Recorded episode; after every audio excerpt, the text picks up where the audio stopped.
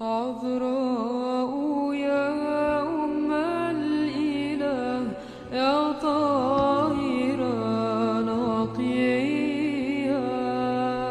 La det forgjengelige lys fra din åpenbaring skinne i våre hjerter, o menneskekjære Herre.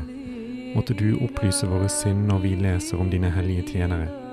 Lær oss ved deres eksempel å leve i lyset, slik at også vi kan leve for deg, vår Herre og velgjøre, for du er god og elsker menneskene. Den 19. oktober minnes vi vår hellige fader Johannes undergjøreren, stifteren av Rila-klosteret i Bulgaria. Vår hellige fader Johannes stammet fra en from familie som bodde omkring byen Sofia under bulgarkongen Peter den første og Konstantin den sjuende Porfirogenitis regjering fra 913 til 959. Fra sin ungdom av utmerket han seg ved sine dyder, og så snart han kunne, utdelte han all sin eiendom til de fattige og reiste av sted for å trekke seg tilbake i et kloster.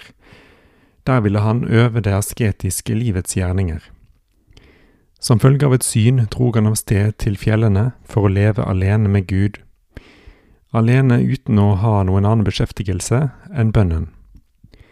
Også hans nevø Lukas ble fortært av guddommelig iver og kom for å ledsage ham i hans ensomhet for å leve det englelike liv under Johannes' ledelse til tross av sine unge år.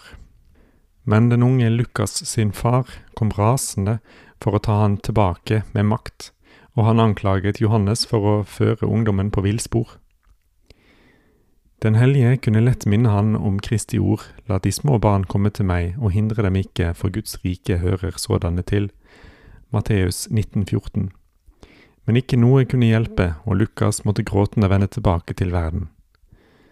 Men på den helliges bønn tillot ikke Gud at den unge mannens renhet ble ødelagt ved forbindelsen med verden, og viste hans far at man ikke kan sette seg imot hans vilje.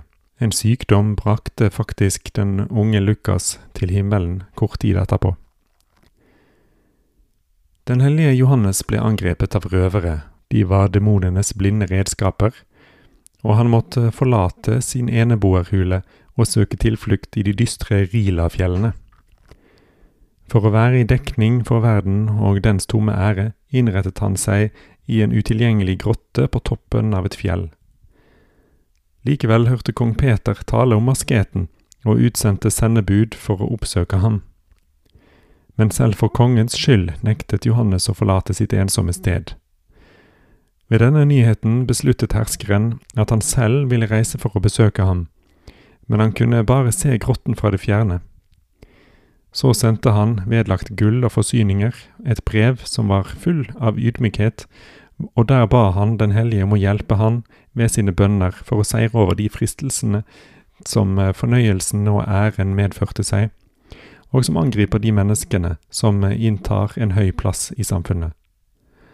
Johannes sendte ham gullet tilbake idet han sa at han ikke lenger hadde bruk for verken det eller alle de skattene man kan samle seg i denne tomhetens verden.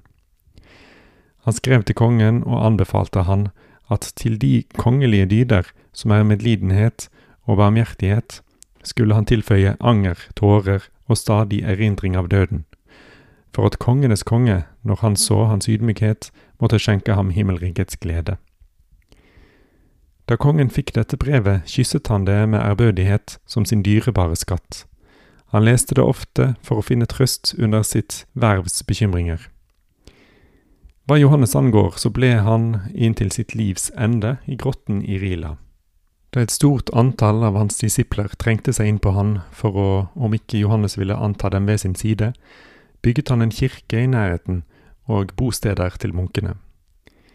Disse ble snart til det majestetiske klosteret som inntil våre dager troner i Rilafjellene og rommer Den helliges relikvier. Avro.